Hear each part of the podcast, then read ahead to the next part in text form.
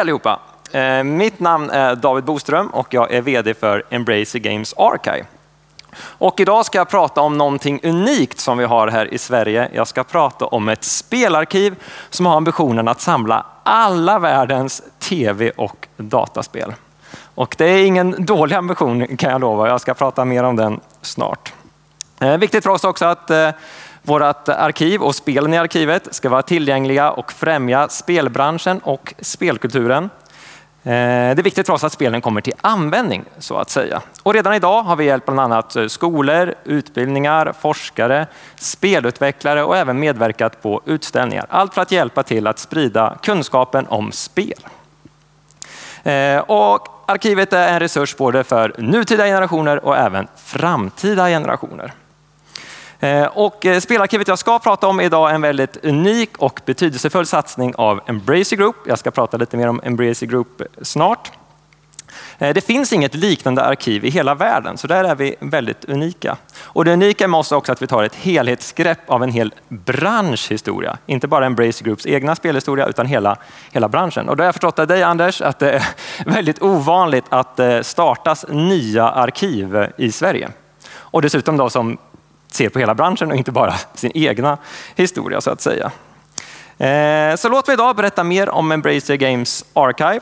Eh, varför finns det och hur har resan sett ut? Och vilka utmaningar finns det med att bygga ett arkiv helt från grunden, vilket vi, vi gör. Då? Det finns väldigt mycket jag vill berätta, men eh, jag tycker vi kör igång på en gång helt enkelt så får vi rulla vidare här. Men innan jag pratar mer om arkivet så kan jag förklara lite mer vilka Embracer Group är. Det kanske alla här kanske inte har koll på vilka Embracer Group är. Eh, Embracer Group är en stor del av spelbranschen, en av de större aktörerna. Vi har vårt eh, huvudkontor i Karlstad och Embracer är en global koncern för verksamheter inom PC, konsol, mobil, brädspel och andra relaterade medier. Och ni ser lite mer information här. Över 900 ägda eller kontrollerade varumärken, 12 operativa grupper och över 130 interna studios och över 16 000 medarbetare placerade runt om i hela världen. Eh, och det kanske finns några Tolkien-fans här, finns det det? Ja, titta, härligt. Då kanske ni har koll på att eh, Embracer Group äger varumärket eh, Sagan om ringen. Och de flesta av er kanske känner igen tjejen där till vänster. Någon känner igen henne? Någon som vågar sig på? Lara Croft, Lara Croft härligt från eh, spelserien Tomb Raider, också en del av ett, ett varumärke under Embracer Group. Gött. Men låt mig ge er en bild av hur spelarkivet ser ut idag. Jag har ett litet bildspel här som rullar bakom här så ni kan kika lite. Eh, ska vi se, jag ska börja där också. Eh, vi är väldigt ödmjuka inför det stora uppdraget vi har åtagit oss med att samla alla spel och det här är ju en livslång resa, något som vi påbörjar nu och förhoppningsvis kan lämna över till andra i framtiden. Eh, men vi har fått en bra start och kommit en bra bit på vägen. Vi har hållit igång nu i två år och lite av det ni ser här bakom är där, dit vi har kommit idag. Då. Arkivet finns i Karlstad, också då samma stad som Embracer Groups eh, huvudkontor. Och faktiskt håller vi till i samma lokaler där Embracer Groups historia började en gång i tiden för ungefär 20 år sedan. Och inriktningen då för arkivet det är alltså fysiska spel. Spel du kan ha köpt i butik som konsument, alltså du kan hålla i dem, de fysiska. Det är inte ett digitalt arkiv utan fysiska spel. Så det vi fokuserar på är som ni ser här, det är spelen, det är såklart eh, själva konsolerna du spelar på, eh, spelkonsolerna och även datorerna och sen alla tillbehör. Och där kan jag lova att det finns otroligt mycket. Och när jag har varit med och spelat genom åren så vet ni att det finns fiskespön och det finns stegräknare och det finns ja, vad du än kan, eh, kan tänka dig. Vi är idag fem stycken medarbetare som jobbar i arkivet på heltid och vår chefsarkivarie sitter här framme, Natalia Kovalainen. Eh, och vi är alla såklart galna i spel. Vi är ju, det är nog en underdrift att säga att vi är spelnördar. Vi älskar spel mer än allt i världen och är otroligt passionerade för det vi gör. Vi kommer att komma in lite på vilka roller vi har i arkivet här snart. Eh, idag har vi över 80 000 objekt och det kan ju låta väldigt mycket och det är det också. Och troligtvis är vi den största samlingen av spel som finns i hela världen. Men vi vill ju ha en variant av varje spel som finns och många spel finns i olika variationer. Kanske ett spel har ju släppts i Japan, det har även släppts i Europa, det har släppts i USA. Ett spel har sålt bra, kommer det en ny vision där det kanske är en ny logga, en ny framsida. Vi vill ha ett så omfattande arkiv som möjligt av alla varianter och då de här 80 000 som jag sa vi har idag, Ska man se på totalen så brukar vi diskutera här, men vi tror att det finns bortåt 2-3 miljoner olika spel. Så att ni förstår, vi är ett tidigt skede på en livslång resa, men det är jättespännande. Och vårt äldsta objekt som vi har i arkivet är Magnavox Odyssey från 1972. Ett av de ett av de första spelen som släpptes till konsument i butik helt enkelt. Väldigt primitivt eh, spel. Det är egentligen det enda du gör är att styra två punkter på en, på en skärm. Det är typ det du gör. Så enkelt att det inte ens fanns grafik utan det hängde på ett tygstycke på inte men det hängde på en duk på, på skärmen som fungerar som grafiken. Liksom. Så där kan man se lite hur långt det har kommit från 1972 till idag när spelen ser nästan snyggare ut än, än verkligheten egentligen. Och det här är verkligen en magisk plats. Jag är ju här dagligen, men varje gång jag kommer in här så får jag verkligen gåshud att vara omringad av så här mycket spel och även mina kollegor då, som också gillar spel. Så det är, eh, det är en fantastisk plats. Vi har skapat tre stycken grundstenar som har lite som vårt motto och det är att vårt arkiv ska vara branschfrämjande, kulturfrämjande och kunskapsfrämjande. Och jag vill poängtera återigen att det är väldigt viktigt för oss att dela med oss av det som finns i arkivet. Vi har redan börjat samarbeta en hel del med Kungliga biblioteket och Tekniska museet och andra museum och arkiv runt om i världen. Och även som sagt, vi har forskare, skolor och allt möjligt. Så att det är väldigt viktigt, det är våra, våra grundstenar att tillgängliggöra det som finns i arkivet. Dock är det inte öppet för allmänheten. Det är en fråga vi väldigt ofta får. Väldigt många vill komma och besöka oss och vi har fått väldigt positivt och bra gensvar för runt om i hela världen. Men vi har tyvärr ingen möjlighet att ha öppet för allmänheten. Då hade vi nog inte fått någonting gjort. Men är man en, som sagt, en forskare eller en skola eller ett annat arkiv som vill samarbeta med oss så hör man av sig till oss och förhoppningsvis kan vi leda till att man kan komma till besök där vi hjälps åt. Och de flesta spelen i, arkiven, i arkivet kommer från andra samlare runt om i världen som vid en viss tidpunkt har insett att ah, jag har samlat klart. Man kanske har samlat i 10-20 år och insett att nej, jag vill att spelen ska leva vidare. Och då kan det leda till, då har vi en person som är inköpare som förhoppningsvis leder till ett inköp och så spelen får ett nytt liv i vårt arkiv och kan leva vidare. Och det är en liten röd tråd vi har märkt här med många stora spelsamlare att man har en ambition av att skapa ett arkiv eller ett museum någon gång i framtiden. Men man inser när man väl står där att det är väldigt mycket jobb. Det är inte bara att eh, starta ett arkiv eller ett museum. Och då kan deras vision och dröm i alla fall leva vidare hos, hos oss då, i arkivet. Bra. Men nu har jag pratat lite om arkivet och nu tänkte jag prata lite om spel i lite olika kontexter. Så nu hoppas ni fortfarande är med på den här resan. Jag kan börja med att ställa en fråga. Vilka här inne har spelat någon form av spel i år? Tv-spel, mobilspel, dataspel. Hand upp om ni har spelat någonting i år.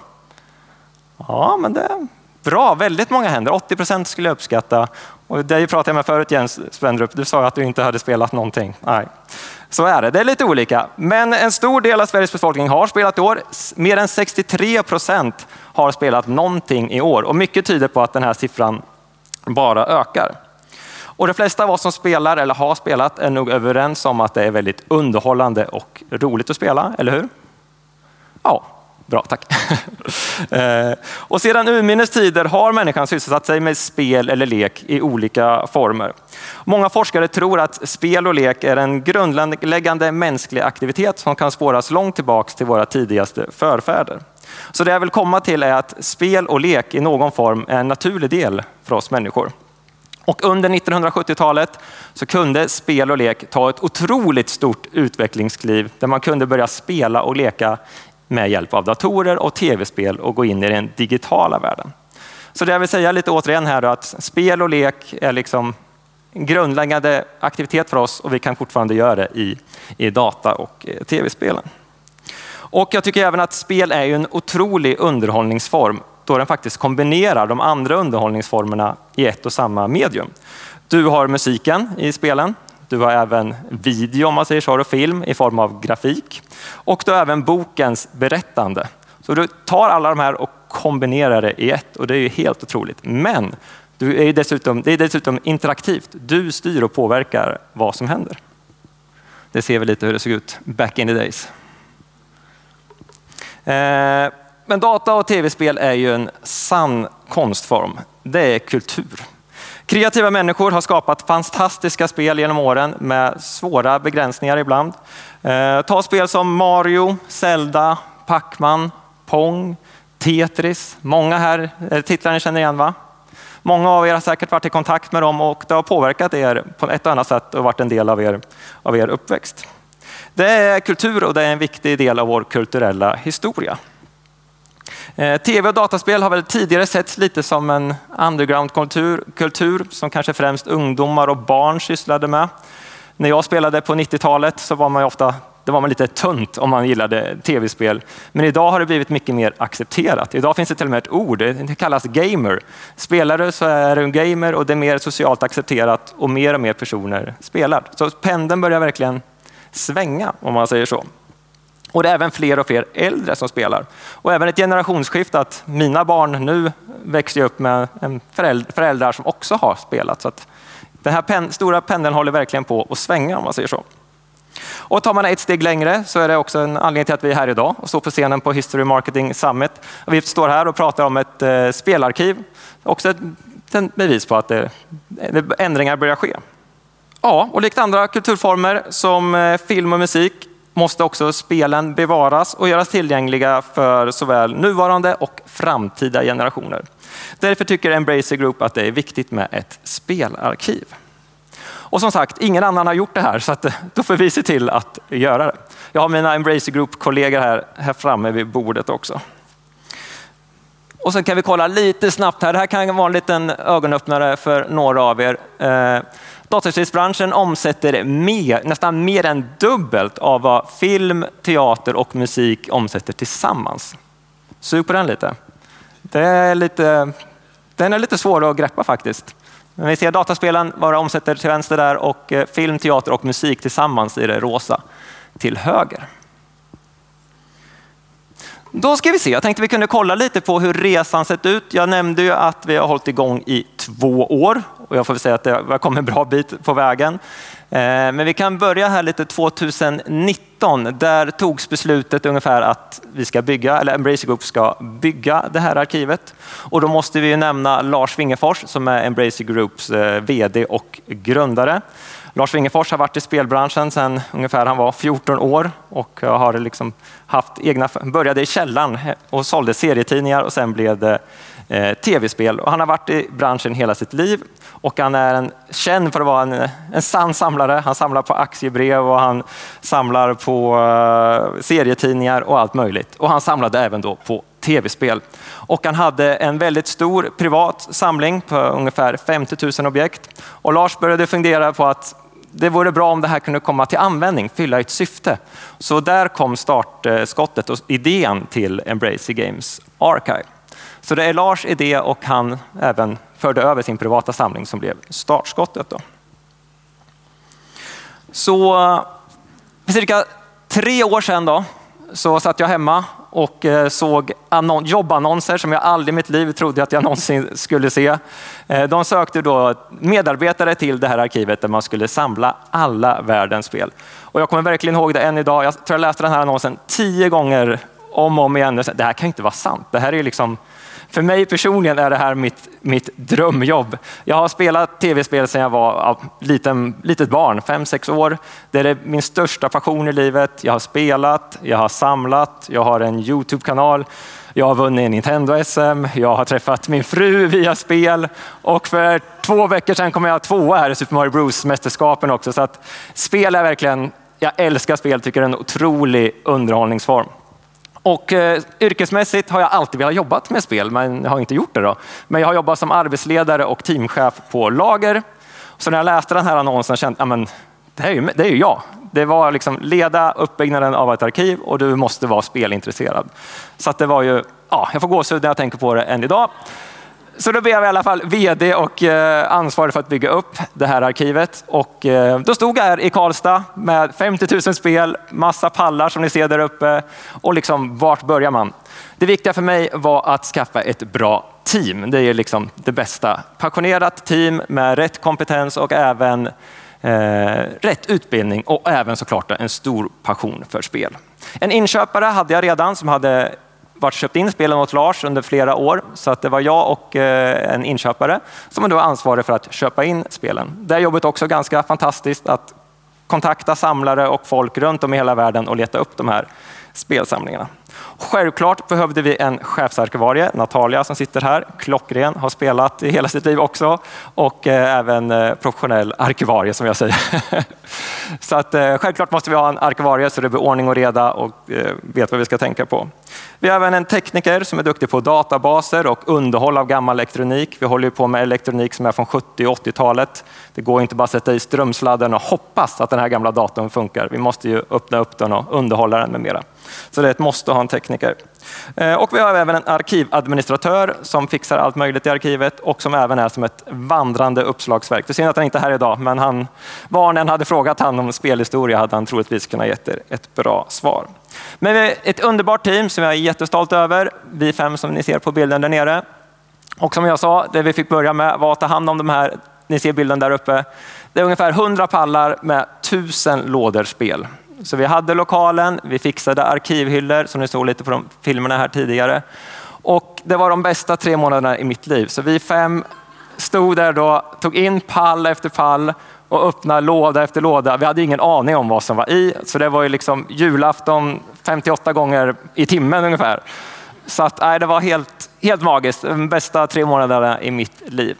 Och eh, tidigare år här kunde vi äntligen fira. Ni ser att det har hänt lite. Ni ser det gröna golvet där, en lite finare lokal nere till höger.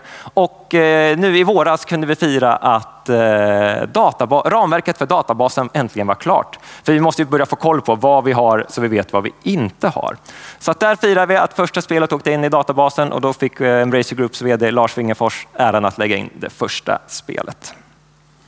Ja, men annars, det, nu är arkivet igång och det är ju superspännande. Det som är unikt med vårt arkiv är att ingen annan har gjort det som jag har sagt. Så vi har liksom, det finns ingen vi kan gå till och fråga, hej, hur bygger man ett spelarkiv? Utan det har varit väldigt mycket nätverkande, främst Natalia här som kontaktar andra arkiv och andra institutioner som sysslar med spelbevaring på något sätt. Och det är en jättespännande del i resan att vi har fått nätverka väldigt mycket och fånga upp de bästa bästa erfarenheterna tidigare folk har gjort. Och jag tror vi har mycket utbyte av er här också, Anders, med er personal som är många arkivarier. Så att eh, det är jättespännande. Eh, och det kulturhistoriska värdet i arkivet är ju enormt. Det är ju en sann kulturskatt. Och vi är ärliga med oss. Vi har mycket objekt. Vi har troligtvis världens största spelsamling, men vi är ju bara ett tidigt skede på en lång resa. Och det är ett jätteviktigt och bra initiativ som Embrace Group har tagit så att det finns det här arkivet så vi kan ta tillvara på spelhistorien även nu, vår, vår nutida generationer, men även framtida. Och mina drömambitioner, om jag får drömma mig framåt, eh, de flesta har väl koll på att i Svalbard finns det ett arkiv för alla världens frön min drömambition är om 10-20 år att eh, folk runt om i världen tänker med Sverige, där finns det ett spelarkiv med alla världens spel som de dessutom delar med sig av. Det är min drömambition. Och du brukar säga Natalia att drömambitionen är att på sikt här att vi kan bli så erkända att alla spelutvecklare, när man släpper ett nytt spel så skickar man ett fysiskt exemplar till oss så att det kommer in i arkivet. Vi är inte där än, men det är bra att ha lite ambitioner. Och är det någon här idag som behöver komma i kontakt med oss eller eh, vad heter det, känner att vi kan vara till hjälp till er så är det bara att ni hojtar till, mingla med oss efteråt. Och eh, ja, vi ska se, jag kan göra sådär så har ni lite mer uppgifter. Och det brukar vara väldigt mycket frågor. Jag ser redan en hand upp här så att eh, det var den informationen jag hade men vi kör på med lite frågor direkt här tycker jag.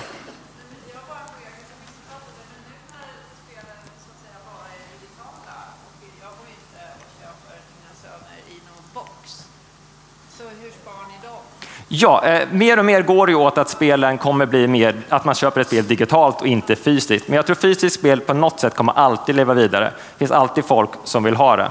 Men vi har som jag sa ett så otroligt stort scope, så på ett sätt är det lite skönt att, att det inte släpps eh, så många, många fysiska spel. Men eh, det kommer nog alltid, alltid leva vidare. Det tror jag. Till fråga där bak från Sara. Jag passar på att skjuta in en fråga. Ja. Ehm, det kanske är en fråga till, till Lars Wingefors, men varför startades detta överhuvudtaget? Varför ta, han var ju en samlare bland andra samlare. Ingen annan samlare har startat ett branscharkiv. Vad säger han kring det? Ja, men det, Lars vill ju verkligen att det ska finnas ett ställe där spelen kan finnas och där det är tillgängligt för andra. Och det, finns det inte så får man göra, göra det själv tänkte jag säga. Och eh, det är viktigt att ta vara på historien, för gör vi inte det här nu, historien försvinner snabbt och glöms bort. Nu har tv-spel funnits i ungefär 50 år om jag tänker på Magnavox här som fanns 1972. Så det är viktigt att göra det här nu innan det, innan det är för sent. Och sen är det nog att Lars har ett stort samlarintresse där i grunden också, så att, eh, jag tror han mår bra av att veta att det finns en härlig stor samling i Karlstad med alla världens spel. Hej, Sara Johansson heter jag. Jag jobbar på Centrum för näringslivshistoria. Ja. Eh, jag undrar lite grann hur självständiga ni är i förhållande till Embracer.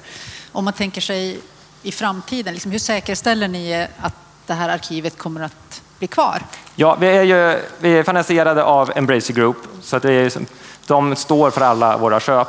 Och det, vi är tacksamma för att utan Embracer Group hade aldrig det här varit möjligt att det har kunnat starta överhuvudtaget. Och vi tittar ju såklart på att vi ska ha en hållbar lösning i framtiden som gör att arkivet kan leva vidare. Exakt hur har vi inte bestämt än, men det är något vi självklart tittar och planerar för. Jag har en fråga. Hur garanterar ni att eh, hårdvara fungerar? Jag minns min första CPM-dator som var från Japan. Den hade eh, två floppy diskstationer, vilket var tur. För jag har aldrig träffat på någon annan som haft samma floppy diskformat. Ingen annan dator kunde läsa dem. Kan jag kolla om ni har den datorn i er? För då skulle jag kunna läsa de spelen som finns på min gamla dator. Du får, du får gärna höra av dig. Förhoppningsvis kan vi hjälpa er. Vår tekniker är extremt duktig och som jag sa, det, det är väldigt viktigt att underhålla datorer och gammal elektronik, byta ut komponent, komponenter och underhållare. Och det, det, det är ett stort jobb. Och spel, det är ju döende medier tänkte jag säga. Någon gång kommer de ju sluta fungera. Men tack vare oss så vill vi att vi ska kunna ha ett bra arkiv där det kan leva vidare så länge som möjligt. Och sen är ju spelen mer än bara själva spelet. Det, du har boxen, du har bruksanvisningen, du kanske har med kartor. Allt det här ser också som konst och kultur. Framsidan på spel var ju främst förr i tiden, det var ju det som sålde in dig till spelet. Du kollade på framsidan, men om du vände på kartongen så såg du kanske ett helt annat spel med bara några pixlar. Så att, eh, jag, tänkte, jag hoppas jag svarar på frågan. Men hör, hör gärna av dig om du vill, kan vi hjälpa dig att kolla upp vilken, dat, vilken dator och floppy disk, floppy du har. Fråga från Per där bak. Ja, en standardfråga. Hur hanterar ni frågor om upphovsrätt till spelen?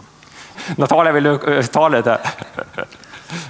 Ja, upphovsrätt, den är ju en väldigt komplicerad fråga och exempelvis vi, vi kommer att ha eh, alla våra objekt i en databas så småningom och vi vill gärna fotografera dem men vi tittar just nu väldigt aktivt på frågan kring hur kan vi eh, lägga upp bilder på de här objekten ute i etern. Liksom.